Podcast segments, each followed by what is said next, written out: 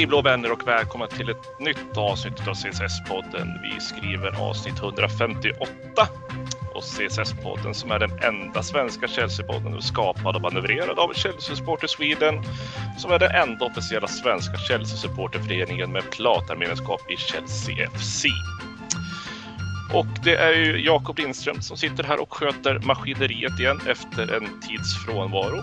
Eh, och ja, man kan ju säga att jag gästhostar här nu när Patrik som har kommit in i poddfamiljen här har tagit över den större rollen som en frisk fläkt måste man säga. Och ta, han är på lite välförtjänt semester och när Donny hör av sig då gäller det bara att man accepterar och lyssnar och ställer upp helt enkelt. Eh, men det ska bli skitkul.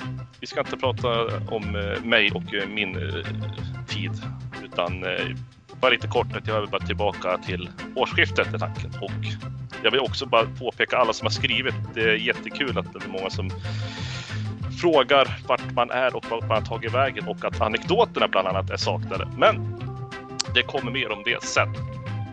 Jag tycker det ska bli så jävla kul att köra igång ett avsnitt här nu och jag sitter ju inte ensam utan Eh, en av personerna som sitter med här har inte varit med. Vad kom vi fram till att inte för hela våren utan det blir till och med eh, årspremiär. Sofia Almroth, skitkul att du är tillbaka här igen och jag hoppas allt är bra med dig. Jo, men allt är bra med mig och ja, det stämmer. Jag tror det var december förra året som var förra gången som det stod här när jag loggade in. Alldeles för lång tid. Ja. Nej, men det är förståeligt. Arbete och sånt går ju före. Eh, så är det ju. Men kul att du är tillbaka i alla fall och vi ska försöka göra ett avsnitt utav det här också. Eh, och sen sitter det ju också en person här som eh, på vårkanten vart för mig i alla fall en eh, radarpartner tillsammans med Linus. Fredrik Temmes. Då du har ju varit med flitigt här nu under inledningen av den här poddsäsongen också. Så, men jag hoppas att allt är bra med dig och att du är taggad till tusen. Ja, det har blivit en del avsnitt här nu på, på sistone, men det är bara roligt. Eh, det är bra med mig eh, och eh, absolut taggad till tusen. Det händer ju väldigt mycket spännande saker kring vår klubb nu så att vi har några riktigt spännande dagar framför oss. Ja, vi, sagt, vi har en hel del som har hänt inom bara loppet av två dagar här med spelare som har försvunnit bland annat. Men vi ska gå igenom det för vi har ett körschema som är Givetvis eh, senaste matchen mot Leicester. Vi ska ta eh, tempen på matchen som är ikväll mot Southampton. Vi ska gräva oss ner lite grann i damlagets värld också och se vad det är som händer och inför den stundande premiären mot West Ham. Jag tror jag har fått med allting i dagordningen i alla fall. Vi ska kanske ta några transferrykten också. Det ska vi givetvis slänga in, såklart. Eh, och där tror jag att, eh, för jag vet att Sofia är som jag inte är så involverad i eh, transfercirkusen som pågår under åren. Så att där tror jag att Fredrik, du har ju den mesta informationen vad gäller transferrykten. Jag ska nog ha hyfsad koll i alla fall. det är därför du är så mitt kallade orakel när vi kör det här. Alltid skönt att ha med dig. Men med det så tycker jag att vi kör igång och vi tar oss till eh, matchen i lördags mot Leicester.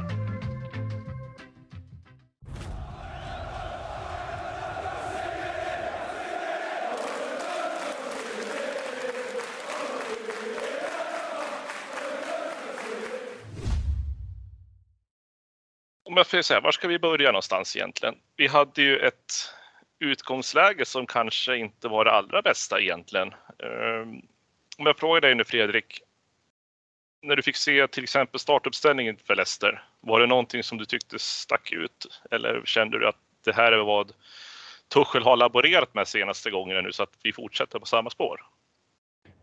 Jag tyckte väl att det var väntat att vi skulle fortsätta med ungefär samma eh, manskap. Det, det, som, det som stack ut eh, var ju förstås eh, eh Chaloba. Jag eh, säger honom igen efter att ha varit i frysboxen en längre tid. Men eh, annars så var det väl ungefär som jag hade förväntat mig med, eh, med Loftus-Cheek inblandad och eh, eh, Reece James då. Eh, vi spelade en lite annan formation nu. Vi, vi fortsatte på den här 4-2-2-2 som vi har eh, spelat i några matcher den här säsongen, eh, men mer utpräglat så.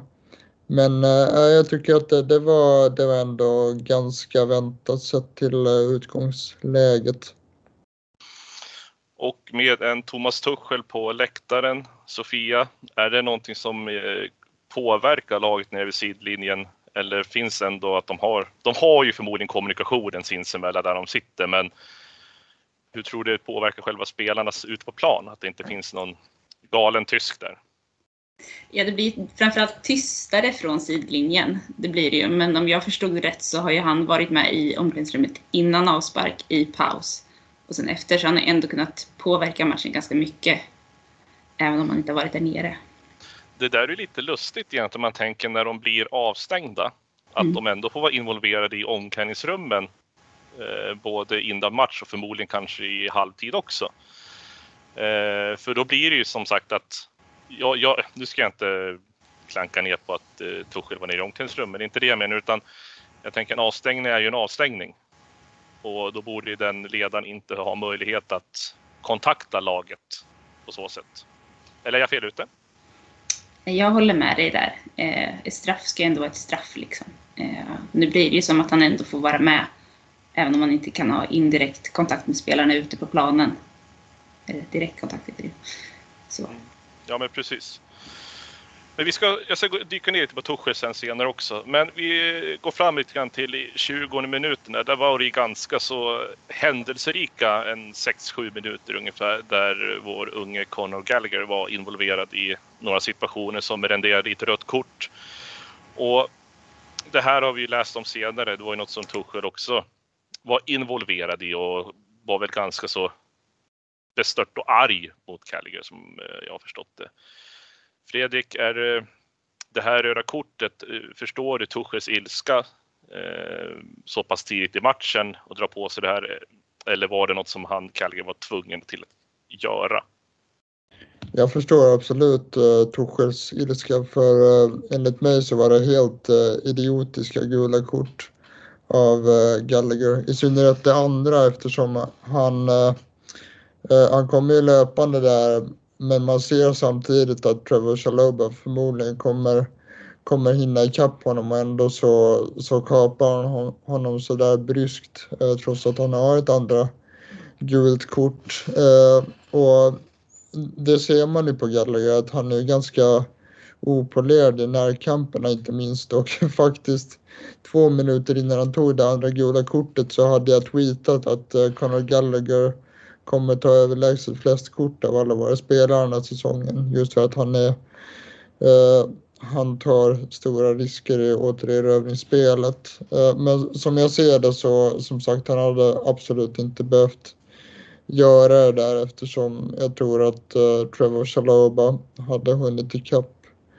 Uh, så det var, det var dumdristigt och satte laget i rejäl knipa. Så det, det är vad jag tycker i alla fall. Jo, jag håller med dig. Otroligt eh, dumt tänkt. Sen kan det ju bero på, är det att han är eh, orutinerad? Han har ändå gjort en säsong i Premier League med Crystal Palace så att jag menar, han borde ju förstå och han är inte helt ung på det sättet. Men jag, jag kan ju köpa att det är för sig lite att han inte har eh, den rutinen på det sättet att, ja. bedöma situationer kanske. Jag tror inte riktigt att det, att det handlar om enbart eh, orutin heller. Jag tror helt enkelt att han är övertaggad och är så desperat att visa att han har det som krävs. För det är ju det är vida känt att det är hans dröm att, eh, att lyckas i Chelsea. Så jag tror helt enkelt att han eh, ger 150 procent och ibland så eh, slår det över till den Eh, till den dumdristiga sidan. Så jag tror inte att det är så mycket det, eh, utan det är nog mest att han är motiverad, skulle jag tro. Men vi gillar ju spelare som går in lite hårt och tufft. Det ska ju vara smälla på lite ordentligt och inte vara några tveksamma eh, brytningar eller halvdana knuffar, utan man ser ju helst att de ska gå in lite bryskt. Men som sagt, ibland får man nog tänka efter lite en extra gång. Eh, men med en man mindre i alla fall och då har vi bara spelat knappt halvtimmen utav första halvlek. Och eh, första halvlek i sig, vi har ju Star, eller Reece James eh, får iväg något skott som eh, tar i målburen eller i målramen. Sen är väl inte så mycket mer action egentligen de sista 15 minuterna.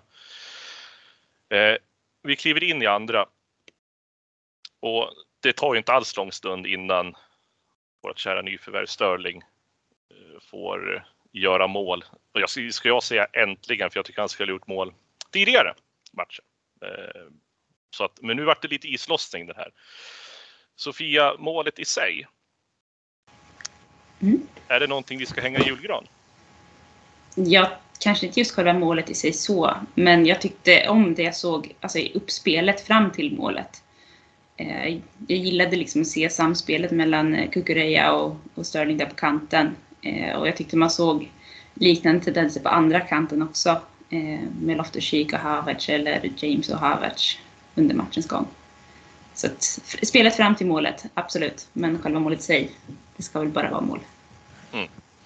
Och det ska bara vara mål. Är det så nu Fredrik att Sterling kanske är den här pusselbiten som eh, vi har behövt där framme? Någon som är snabb, teknisk. Eh, vi vet att han kan göra mål, han vet var målen sitter. Jag hoppas det. Han är onekligen köpt för att vara uh, the guy nu. Uh, sen får man se om han uh, klarar att att ta det stora ansvaret. Alltså det, det är ju både, både stora kvaliteter och avigsidor med, med Sterling. Han, han gör det ju otroligt skickligt och, och, vet hur man ska löpa och det är ju tydligt redan nu att han liksom är på en helt annan nivå än våra andra offensiva spelare. Men han har ju även liksom eh, misstag och konstiga missar i sig. Eh, jag tycker att han borde ha, ha satt ett eh, tredje mål där när, när han får den i stolpen. Sen är det visserligen så att Ward eh, gör ju ett, eh, en riktigt bra räddning där. Men ja, jag hoppas att eh, Sterling är den spelaren och jag tycker absolut att han, eh, han visar tendenser till att bli det. Och precis som Sofia är inne på så Uh, och du också Jakob, att man, man tycker att han borde ha, ha gjort mål tidigare. Sen är det intressant det här med, med andra målet. Det är ett riktigt uh, City-mål han gör så att säga mm.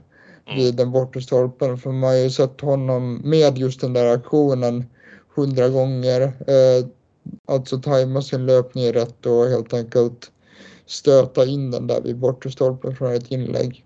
Och det är också någonting som vi har saknat så många gånger med Reece James inlägg också. Att det kommer inspel som, som ingen forward är på. Helt enkelt. Så jag tror att vi kommer få se en hel del sådana mål den här säsongen. Mm. Eh, och när det var 2-0 där som vi var inne på det målet, då hade man en liten känsla av att ja, men, 2-0, alltid 2-0, det är lite tryggande. Men det tar inte lång tid förrän eh, reduceringen kommer i form av Harvey Barnes. Och där börjar det då bli lite svettigt ändå. Och jag tror inte bara var jag som kände att jaha, nu ska vi tappa tre poäng här igen. Eh, men vi lyckas hålla ut. Och vi vinner matchen med 2-1, vilket var otroligt skönt. Men om vi får välja, om, Sofia, om du får välja ut eh, höjdpunkter från den här matchen. Eh, vad är det du siktar på då för någonting? Eh, men framförallt den intensiva pressen som vi sakta högt upp i plan eh, för att vinna tillbaka bollen. Eh, det gillade jag att se.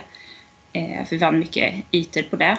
Eh, och framförallt det här med att trots att vi var en man mindre på plan, att vi kunde lyckas göra mål och vinna. Eh, att vi jobbade tillsammans som ett lag. Och sen framförallt att James fick komma ut på kanten. Det känns som att vi har saknat honom när han har varit mer som en av de tre centerbackarna där. Mm. Och Fredrik, vad skulle du lyfta med dig?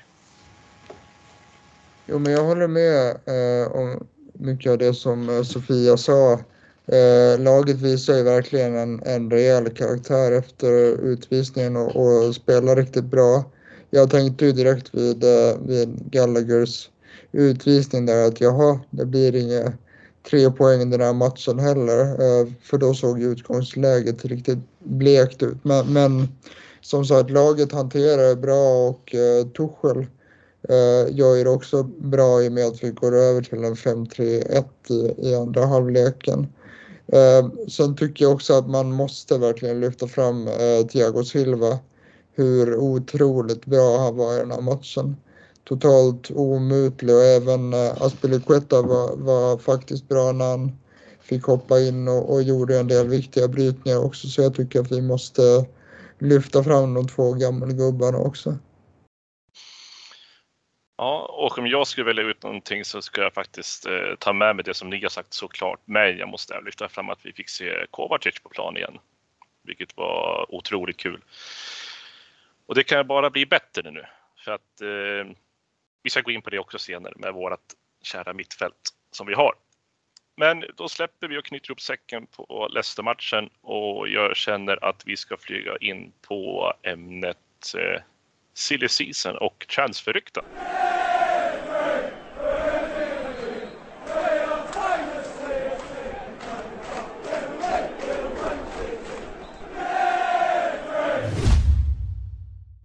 Ja, och de här förbaskade tiderna när det är silly season. Det är sagt, eh, jag och Sofia är ju inte de som följer det här blint utan man får väl upp ett eh, flöde då och då där man ser rykten till höger och vänster men ingenting man lägger någon större vikt i. Men jag förstår ju också att det är intressant för många att följa de här, alla speciellt när till exempel Fabricio Romano lägger ut Here We Go. Då brukar det vara någonting på gång. Men vi lämnar lite det och jag tänker bara ta upp det första som jag har hört eh, ett tag här nu Jag hörde nu senast utav Sportbladet faktiskt. Att Chelsea är beredda att offra både Armando Brocha och Conor Gallagher till, eh, nu står det still i mitt huvud här, varför det? Till Everton eh, i utbyte mot Anthony Gordon plus 25-28 miljoner pund. Nu Fredrik Temmes vill jag fråga dig, relevansen i det här? Finns det någon? Nej, jag, jag, jag, tror, eh, jag tror att det är fake news helt enkelt. Det var ju från en ganska tveksam källa och har väl, har väl skjutits ner av, av många sedan dess. Eh, faktum är att det har ju framkommit uppgifter eh, från David Ornstein igår om att eh, Uh, ja, att eh, uh, dealen inte blir av helt enkelt just för att uh, det finns så stora skillnader i hur, uh, hur klubbarna värderar spelaren. Sen har det visserligen varit andra uppgifter idag som, som gjort gällande att Chelsea fortfarande vill ha Anthony Gordon och att det pågår förhandlingar. Men ja, Eh, jag skulle faktiskt tro att, eh, att det, som, det som framkom häromdagen eh, är, är helt galet. I sammanhanget ska man ju säga det också att Frank Lampard sa i fredags att Anthony Gordon är värd minst 100 miljoner pund. Så det vete sjutton om Everton vill släppa honom.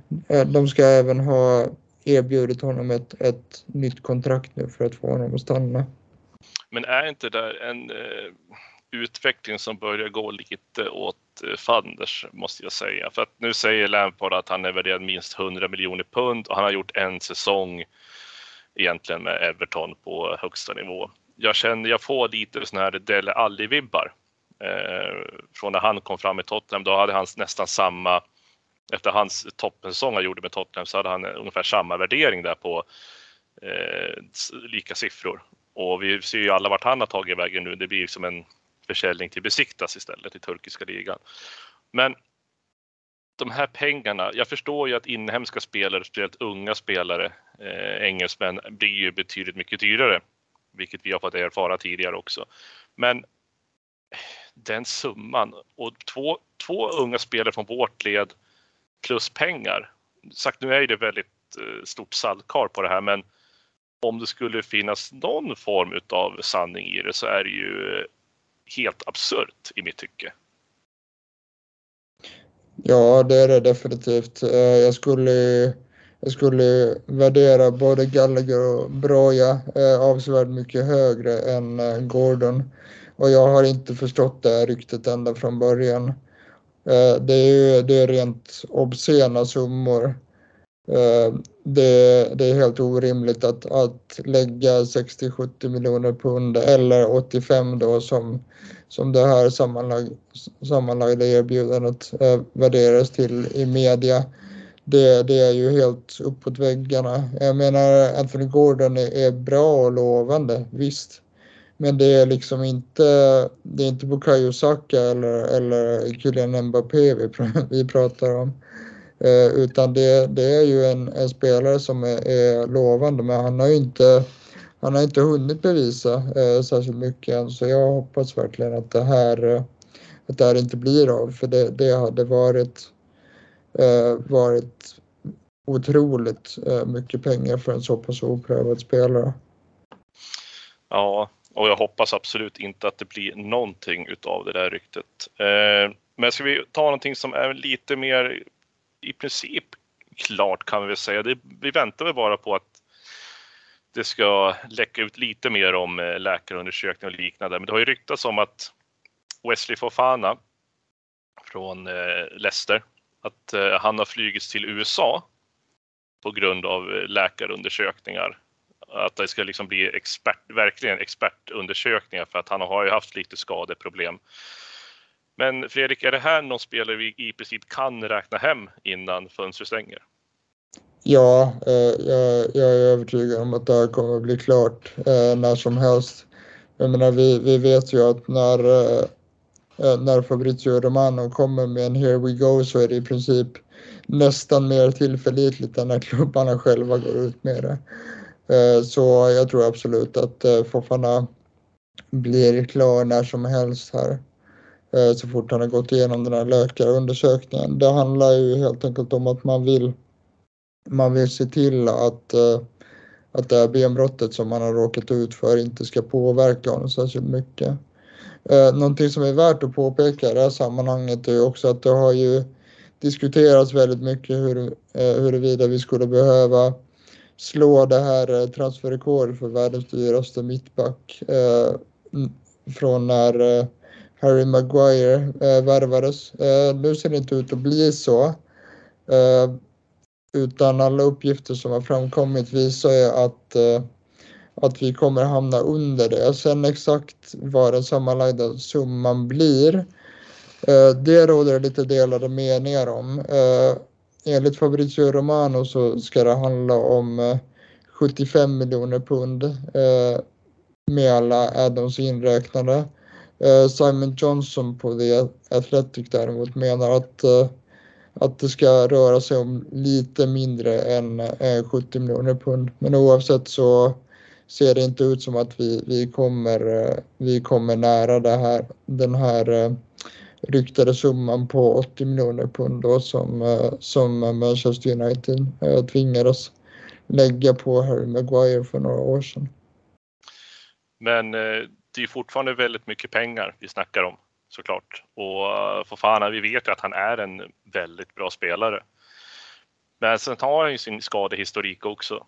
Så någonstans eh, är det ju lite också gambling mot vad det är för något vi köper in. Eh, vi vet ju att han sagt att han är på läkarundersökning i USA som du var inne på att man ska säkerställa att det här benbrottet inte ska påverka hans framtida spel. Men fortfarande, ja, Leicester, de, de vet hur de ska ta betalt för sina spelare, så enkelt är det ju.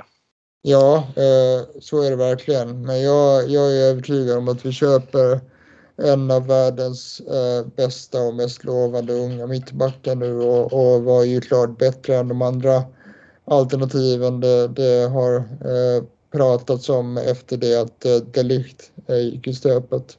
Så jag, jag, tror att det här är absolut bästa köpet vi kan göra och så vitt jag förstår, eh, jag är ingen, jag är ingen ortoped och ingen läkare, men, men det sägs ju tidigare i alla fall att det här benbrottet ska vara ganska clean så att säga, så att det ska kunna läka ihop bra. Och jag tycker inte att det har påverkat hans spel sedan han kom tillbaka och, och det, det, är ju ändå betryggande att man ser till att göra de här eh, eh ordentliga testerna nu för att se till men jag, jag är jättenöjd med den här värvningen, verkligen.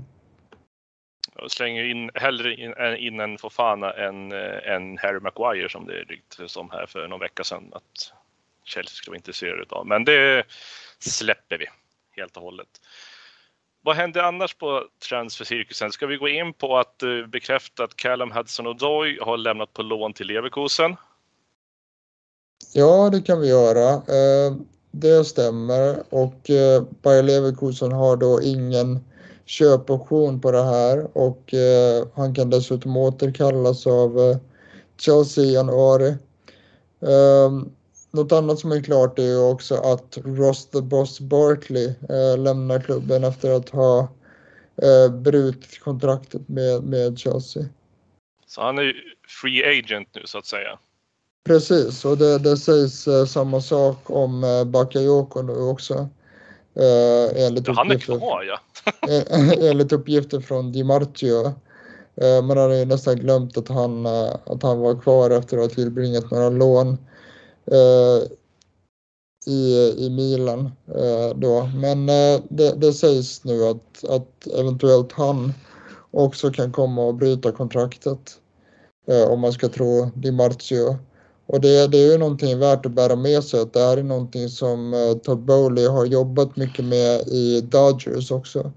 Att han inte har tvekat på att eh, bryta kontraktet om man inte hittar några intressenter för eh, oönskade spelare utan att man kör på ett clean break istället. Det Och det kanske en- är sunt i det här läget. Ja, oh ja, med tanke på hur mycket överflöd av spelare har funnits genom åren så lättar det här bara lite på plånboken också i lönekostnader såklart och allt Eh. som kommer runt omkring. Ja, ja eh, jag ska bara komma in lite kort här att det kommer Mm. en flash precis nu från eh, Fabrizio Romano att eh, Fofana har gått igenom sin läkarundersökning och att inga problem har påträffats. Så där, då kan vi ju räkna in honom om någon dag kanske som presenterad förhoppningsvis. Precis.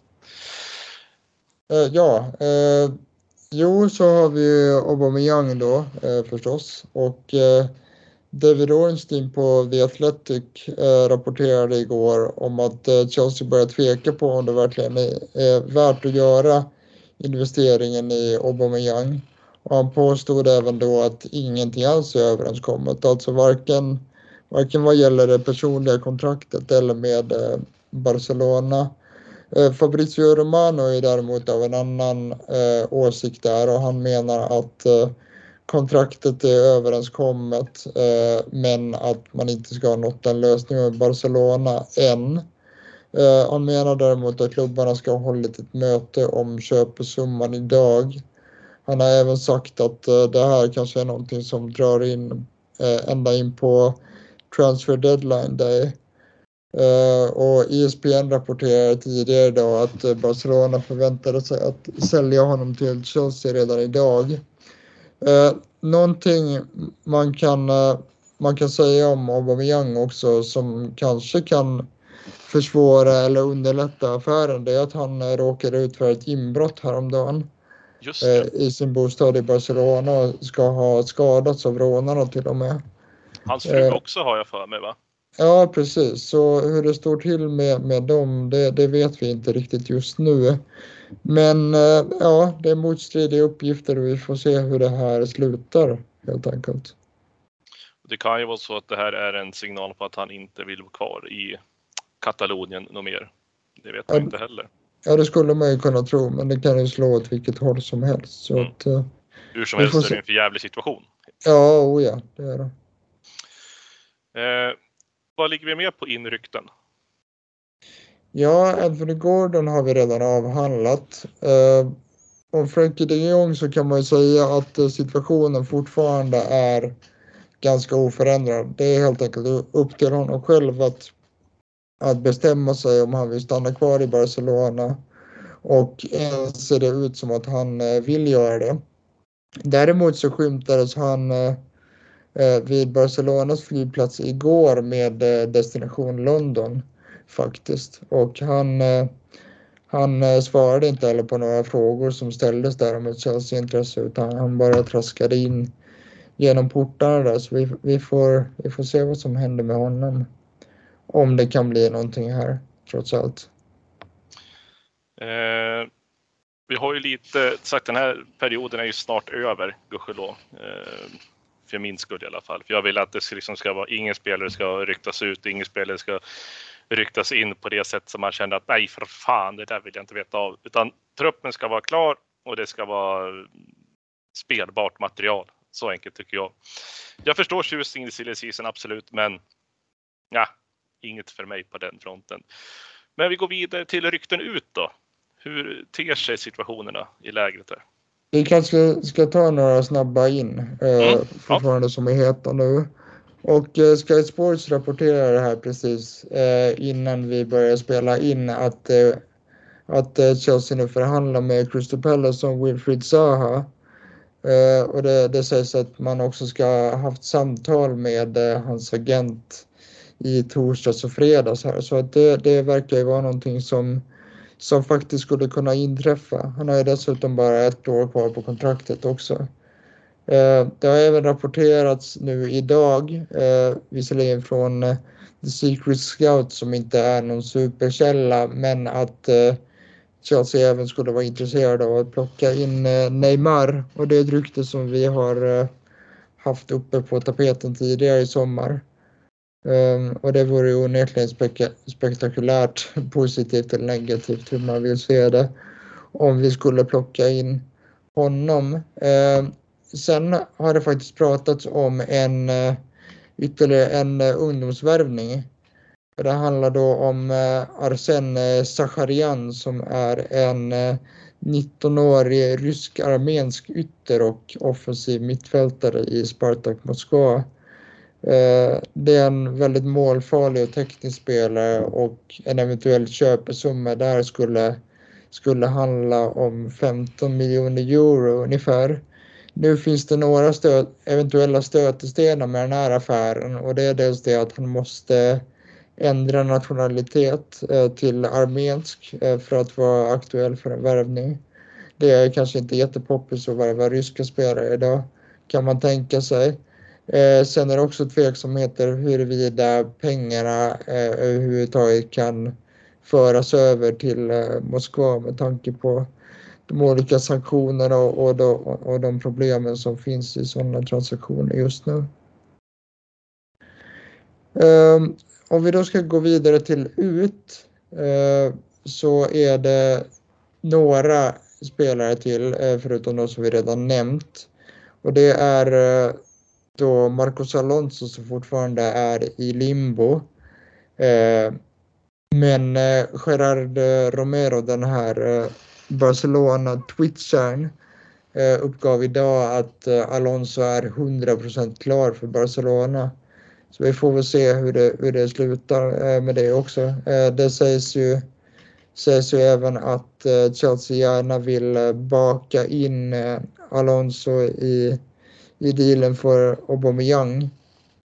Um, två spelare till är eh, Ziyech och uh, Ampadu.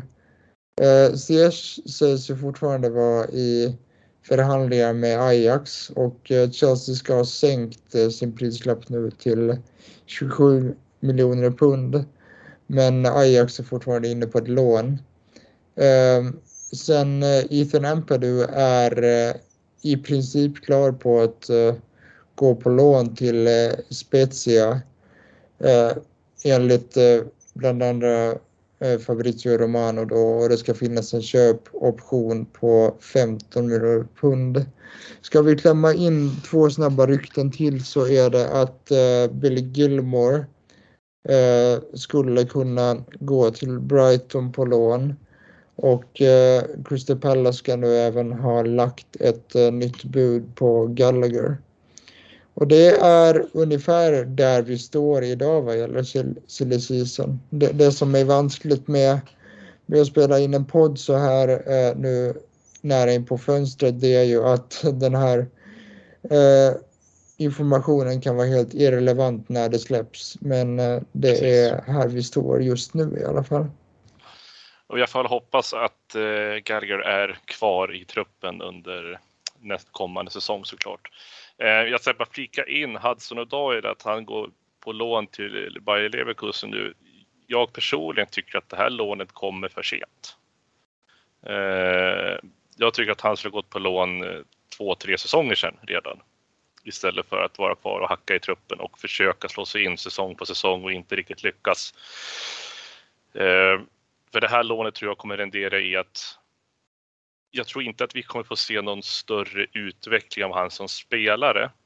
Däremot så kommer han ju få den speltiden han behöver. Men jag tror tyvärr att det är eh, lite kört för hans del att slå sig in i A-truppen i Chelsea framöver. Eh, sen vill jag givetvis också tillägga att jag älskar att bli positivt överraskad. Det gör vi alla, men det är lite mina tankar om just Hudson och Doy-caset. Men eh, tack Fredrik för den där genomgången av eh, nutiden ska vi säga och där vi är nu och de transferryktena som gäller. Så att vi släpper den pucken och eh, vi ska röra oss vidare in på damernas värld. Men först så måste jag bara tillägga en liten punkt där jag har funderat i några dagar och in för att jag var redo på att spela in den här podden att jag måste bara få ta upp Thomas Tuchel. Eh, kompetent tränare som gör mycket för laget och kan få fram eh, saker och ting ur spelare som vi kanske inte har sett och varit vana vid tidigare och en hög intressant person i mångt och mycket. Eh, allt vad det innebär på sidan av planen. Vad som har hänt som jag tänker eh, snabbt reagera på Tottenham-matchen där, det behöver vi inte gå in på så jättemycket för det är ju ja, hugget som stucket. Men det är ju en del konstiga uttalanden som kommer från nu på sista tiden. Jag tänker till exempel att vi svarade matchen mot Leeds när han drog kommentaren om att eh, spelarna fick flyga ner men eh, vi i ledarstaben åkte buss och därför var trötta i huvudet. Är det här kanske en grej som får eh, fokuset lite från laget, lite Mourinho psykologspel eller är det nog mer kanske att eh, han hittar ingen bättre bortförklaring? Vad tror du Sofia? Eh, ja, jag vet inte riktigt. Alltså, det kan säkert vara, finnas någon tanke bakom det, men sen tror jag att det är en ganska stor frustration hos honom. Eh, det känns som att han kanske fått axla lite mer än vad han har tänkt och önskat och inte fått lägga fokus på det han, han helst vill lägga fokus på. Fredrik, har du någon känsla av vad det skulle kunna vara för spel han håller på med? Uh, han är ju tyvärr uh, väldigt bra på bortförklaringar. Uh, precis som, som Klopp till exempel. Men ja, alltså jag, jag, jag tror att, att han inte kom på något bättre nu. helt enkelt. Sen, sen, är, sen ligger det mycket i det som Sofia säger också att han har haft en otroligt intensiv sommar och har ju har ju beklagat sig lite över att han har fått, uh, han har fått göra mer än vad han skulle vilja göra med det här uh, värvningsansvaret och sådär.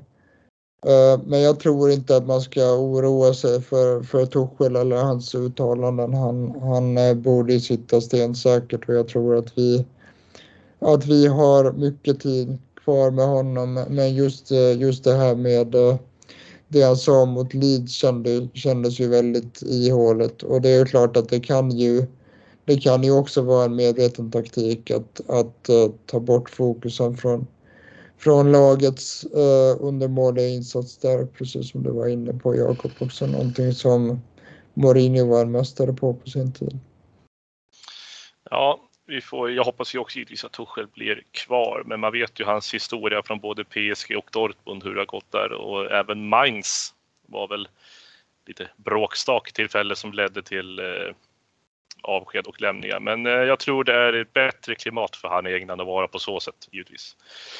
Men i och med det så ska vi kliva in nu på Chelseas damer och det här är ju högintressant för att jag tror inte de som följer CSS och ser ju att eh, Sofia skriver ju väldigt flitigt om vad som händer i läget. Men nu vill vi ha en update för att snart, snart är ju snart, om 11 september är det ju premiär mot West Ham.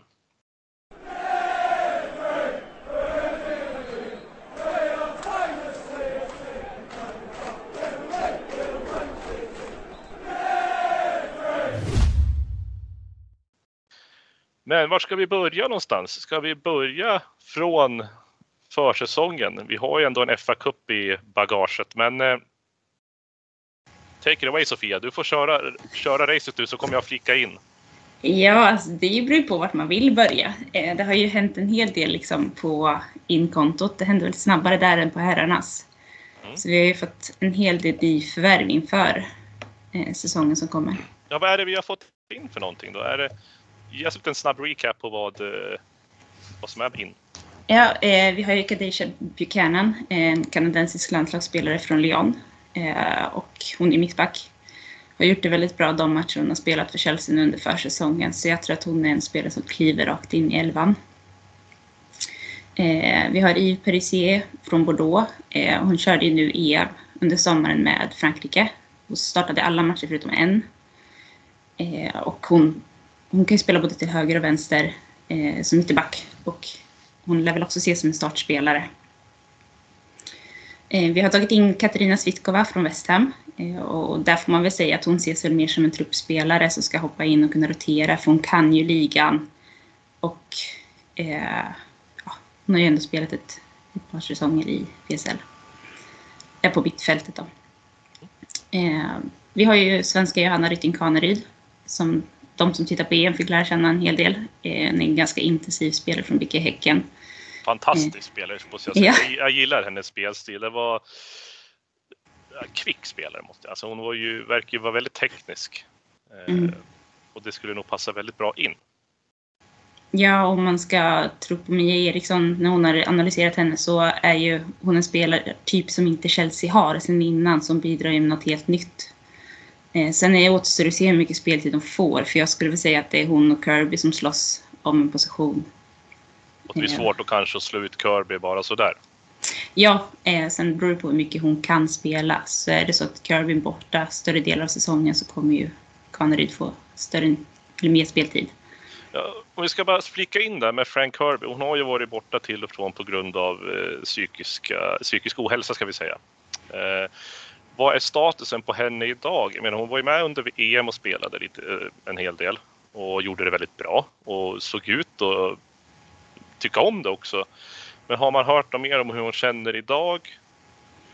Eh, vad jag har förstått det som så har hon varit med laget nu när de har varit i USA. Men hon har inte spelat eller tränat med dem utan hon har haft förlängd semester och nu när det är landslagsuppehåll så är inte hon med i den eh, engelska landslagsgruppen. Så tanken är att hon ska slussas in så småningom. Mm, mm. Och eh, har vi något mer på inkontot? Ja, eh, i fredag så fick vi ju Jelena Sanko, eh, Kankovic, eller Sankovic, jag kan inte uttala hennes efternamn, från Rosengård. Mm. En mittfältare också. Eh, och hon lär ju kunna få lite speltid nu när vi har tappat både J och Spens på mittfältet och Leopolds fortfarande är eh, borta eftersom hon ska bli mamma snart. Så det är också spännande spelare att se eftersom hon har varit ganska bra i Allsvenskan. Mm och också bara klicka in till det. Jag, fick, jag kommer inte ihåg vart jag, vart jag hörde eller vart jag såg det någonstans, men att det fanns ett intresse från Chelseas sida att plocka in Lina Hurtig. Eh, nu sagt, jag har ingen källa på det som jag inte minns vart det var ifrån, men det är också en spelet jag känner som skulle vara ett komplement in, någon som är lite bufflig, småful i spelet mm. och eh, ger sig in i situationer. Eh, hur hade en sån spelare kunnat funkat jag tror absolut att hon hade kunnat funka bra i Chelsea. Eh, nu valde hon att gå till Arsenal så det ska bli spännande att se hur hon blir i, eh, hur hon ter sig i ligan då. Mm. Se där ja. Ska vi, vad har vi förlorat för någonting? Du nämnde ju två stycken, men eh, ligger vi på minuskontot ytterligare? Ja, vi har John Andersson också som vi tappat till Hammarby. Mm. Mm hon väljer Hammarby av alla klubbar. Ja, det tänkte jag också. ryser i ryggraden. Jag hoppades att hon skulle komma hem till Linköping, men nej. Jag hade bara tänkt så här, AIK? Nej, Linköping. eh, men då har vi fått en liten update på vad som händer i spelarväg och eh, Emma Hayes är ju kvar på sin tron. Hon kommer väl aldrig släppa det där Eh, så länge hon lever verkar det som. Och det är med all rätt för hon gör det bra, bättre och bättre nästan. Hon gör det bra varenda säsong. Eh, men inför 11 september nu då mot West Ham. Mm. Vad, eh, vad kan vi förvänta oss För West Ham är ju inte, det är ju inte längst ner i lådan vi gräver nu. Nej, de blandar ju ger. De är väl mer ett mittenlag. Mm. Chelsea ska ju ses som favoriter i den matchen. Men det man kan tänka på det är att Emma Hayes har faktiskt valt nu under de här försäsongsmatcherna att gå tillbaka till en fyrbackslinje.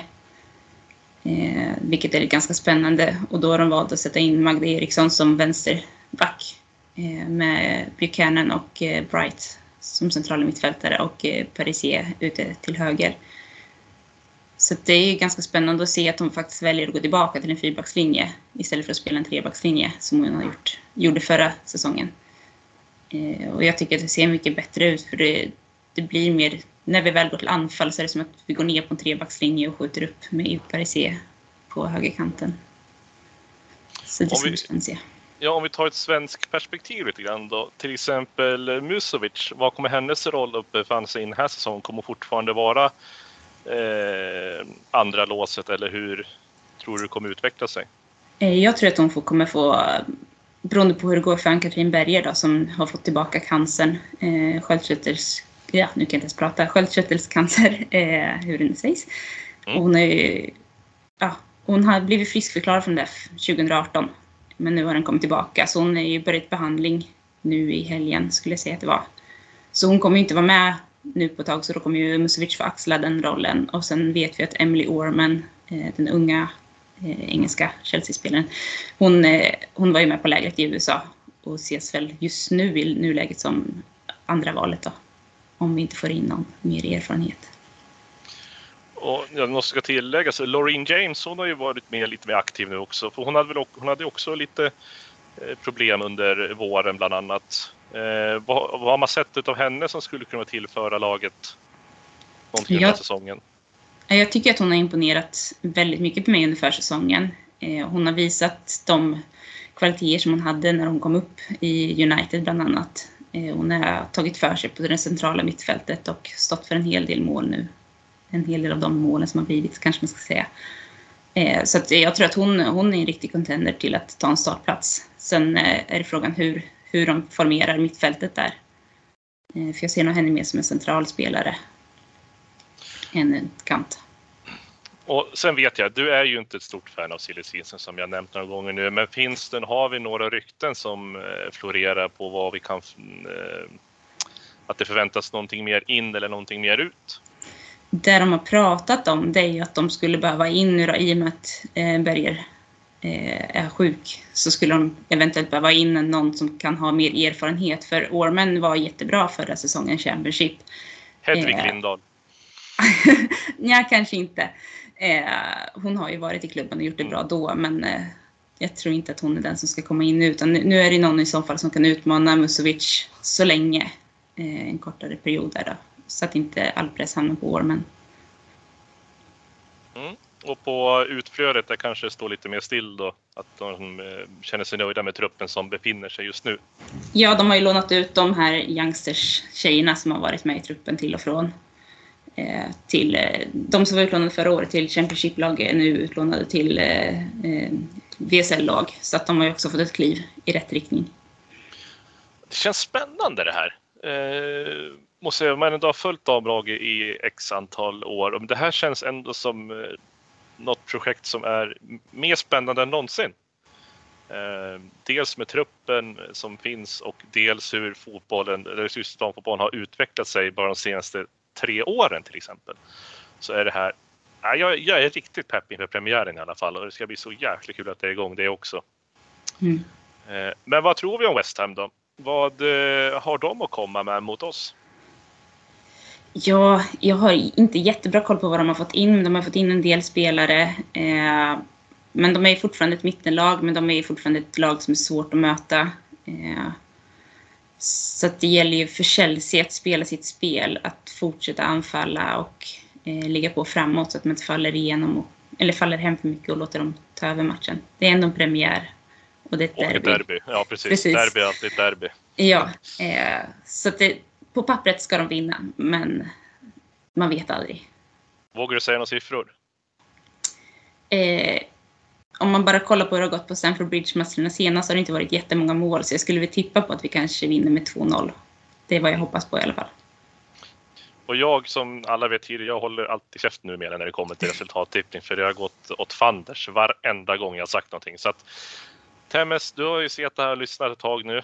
Eh, och eh, har du någonting att tillägga till det Sofia har berättat om? Um, nej, egentligen inte. Sofia gör ju en eh, superbra genomgång och har ju verkligen stenkoll. Uh, det enda jag skulle vilja skicka med är att jag tycker att det är jättekul att, att Bowley väljer att satsa på alla våra lag. Inte bara här i laget utan han har investerat tungt i, i akademin också och eh, inte minst i damlaget då, som varit riktigt eh, aktivt. Eh, Så det tycker jag är kul att han eh, håller vad han har lovat och eh, framtiden ser ju onekligen ljus ut för vårt eh, spännande damlag också. Vi bör väl fightas i, i toppen i år definitivt. Mm. Eh, knyter vi ihop eh, damsektionen där lite grann och eh, vi ska skicka oss in på det som är och förblir kvällens match, alltså bortamötet mot Southampton.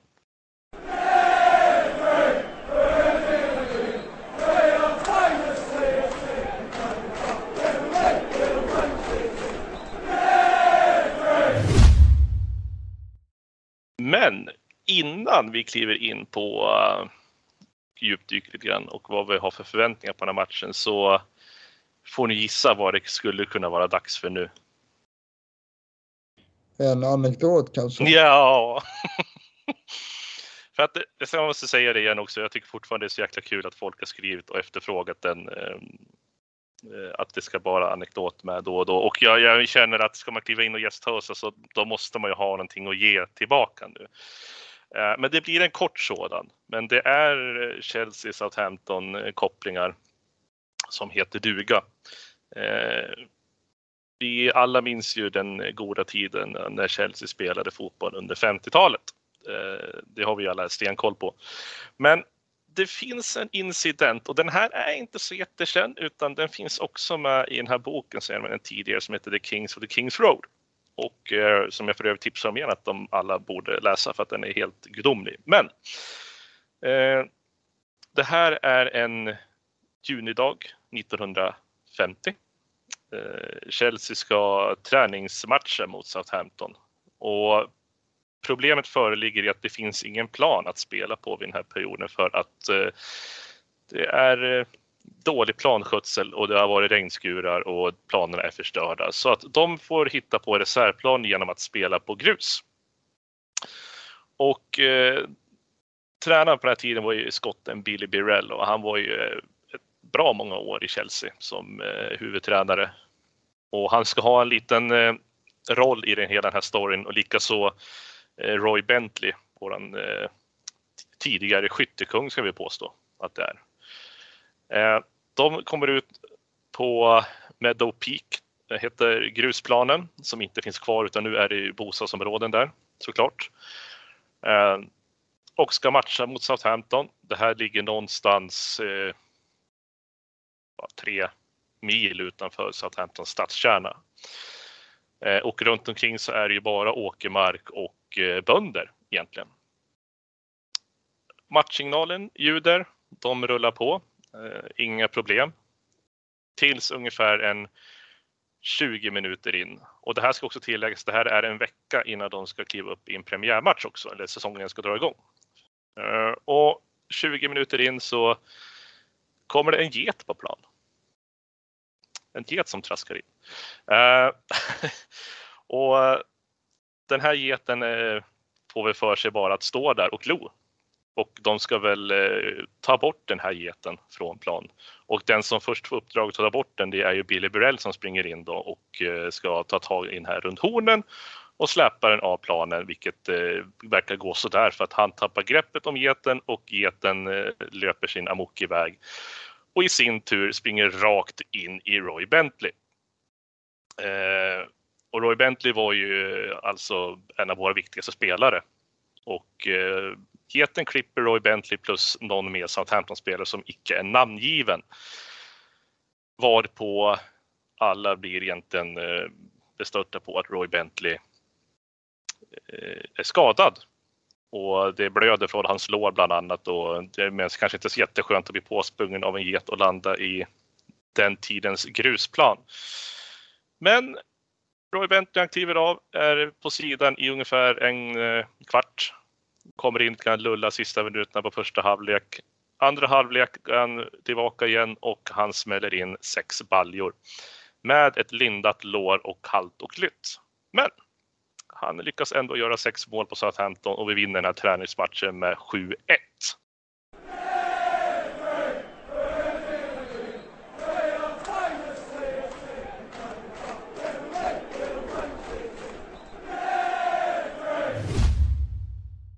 Vi ska kliva oss in på matchen då ikväll. Fredrik, Ja. Mitt käre orakel och vän. Nu får du ge oss lite förutsättningar här. Vad har vi att förvänta oss ikväll? Vi har att förvänta oss en uh, tuff uh, bortamatch på eh, uh, St. Mary's tror jag. jag håller inte Southampton superhögt den här säsongen. Eh, jag eh, tippar dem i de nedre regionerna och truppmässigt så tycker jag att det ser ganska grådaskigt ut. Eh, faktiskt. De, de har ju sin vana trogen lyft in ganska många ungdomar som visserligen gjort det bra och är lovande och sådär. Men, men eh, jag vet inte. Äh, Hyttel är ju en bra tränare men, men jag tror att de kommer få det svårt i år. De har ju haft lite blandade resultat hittills. Eh, de har vunnit mot eh, eh, mot Leicester då, precis som vi. innan dess så spelade de lika mot Leeds och torskade mot Spurs i premiären. Nu senast så spelade de ju mot Eh, United men eh, åkte ju på däng där med, med eh, 1-0. Även om jag tycker att de spelade bra i den matchen och eh, borde kanske ha fått med sig någonting. Ehm, de kommer förmodligen att ställa upp med ungefär samma elva som i den matchen. En 4-2-3-1 och det enda som, enda som de saknar är ju vår vän, eh, den gamla akademiprodukten eh, Tino Livramento som ju är borta efter sin, eh, sin svåra knäskada som han åkte på eh, förra säsongen redan. Ska vi tillägga så också att Southampton de vann ju ligacupen mot eh, Cambridge också med 3-0. Precis, det stämmer. Mycket bra. Och sen, för visst var det väl också, både matchen mot Leeds och Leicester så har de ju ändå tagit upp, eh, kommit upp från, nederlag, eller från eh, underläge. Om jag inte missminner mig. Mot Leeds så låg de väl under med 2-0 och lika var mot Leicester där 1-0 som de lyckas vända på steken. Precis, så det tyder ju på någon slags mental styrka ändå. Ja, och det som är fascinerande är ju det här man kan ju inte gå riktigt säker på något av lagen egentligen, utan ja, det kanske skulle vara Bournemouth då, men eh, något av de här mindre lagen, att det är ju liksom komma på deras hemmaplan, det är ingen promenad i parken och det har vi erfarit tidigare. Ja, även om vi, vi vann senaste matchen på St. Mary's med, med 6-0 då. Eh, så det kan vi ju dra oss till minnes eh, när vi, när vi tittar på kvällens match och får väl hoppas på något liknande. Och eh, Southampton har ju ändå en vana trogen att, att torska med, med 9-0 en gång per säsong. Nu, nu tror jag inte att, att, det sker, att det sker ikväll med tanke på våra offensiva problem, men eh, hoppas kan man ju. Eh, det finns ju några saker att säga om vår trupp Eh, och det är ju att eh, Kolobaly kommer tillbaka efter sin eh, avstängning. medan Conor Gallagher är, är borta på grund av sina två gula kort. någonting som har framkommit nu här på, på kvällen är att Rhys James missar matchen på grund av sjukdom och det är verkligen ett tungt avbräck.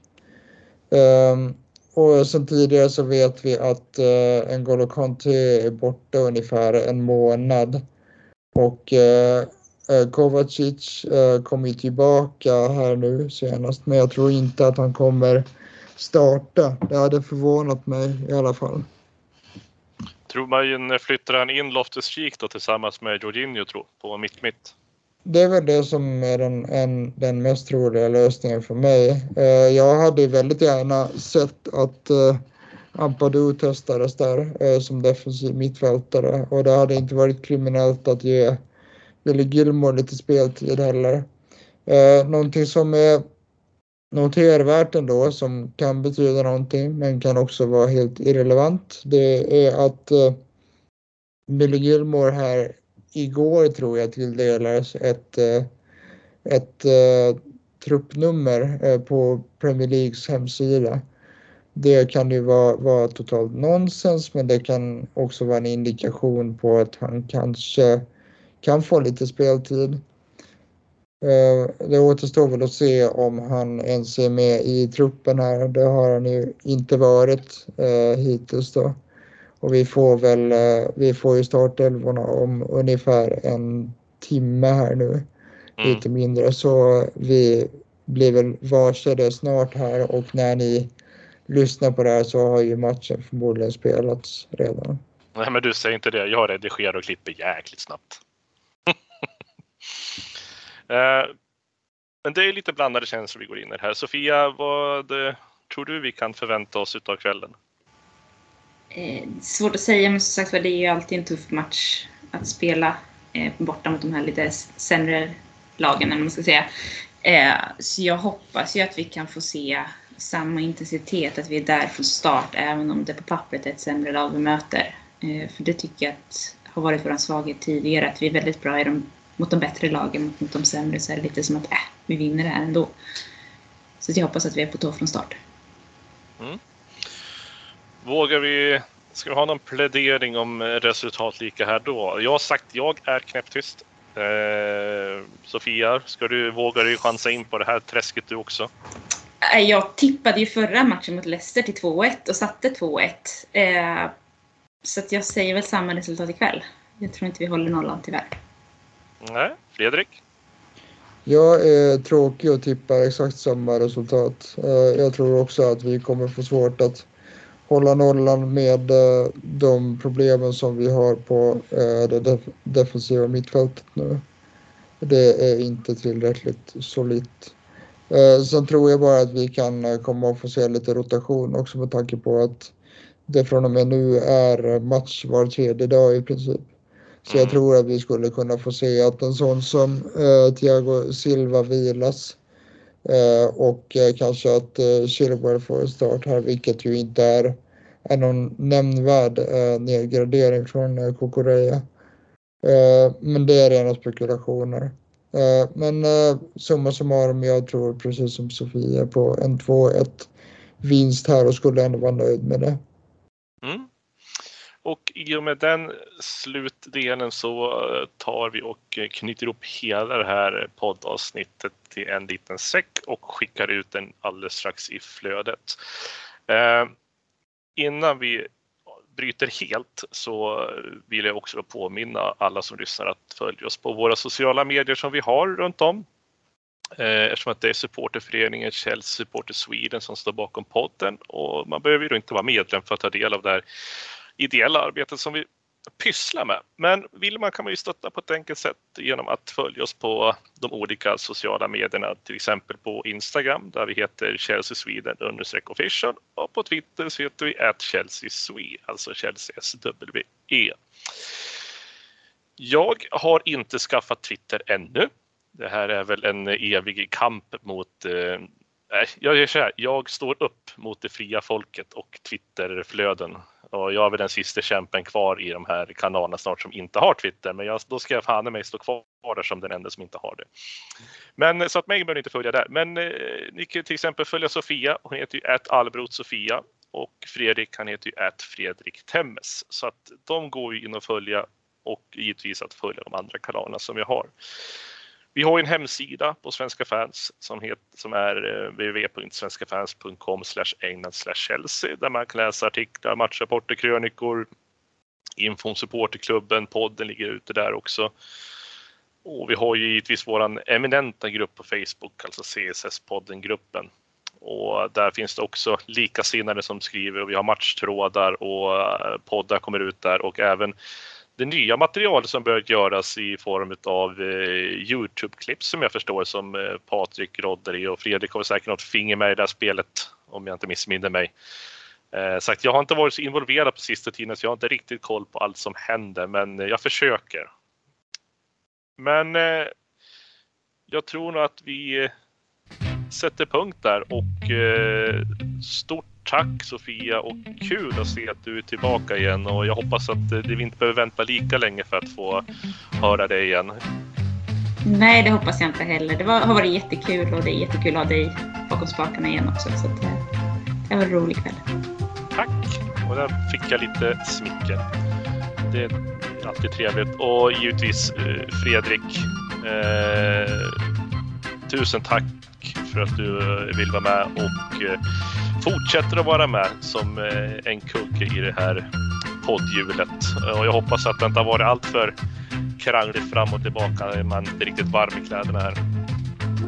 Nej då, eh, superkul eh, som vanligt och jag, jag stämmer in i smickret här också. Kul att ha dig tillbaka Jakob för ett eh, gästspel eh, och dina anekdoter har onekligen varit eh, saknade och jag tycker att du skötte det här programledarskapet eminent trots din eh, frånvaro och möjliga ringrostighet. Så det har varit ett riktigt kul avsnitt. Jag tackar för det och känner att jag ändå kan eh, sträcka lite på mig. Och vi alla tre har gjort ett väldigt bra avsnitt, så måste jag säga. Eh, för utan er så gör man ju ingen eh, bra roll på den här sidan heller.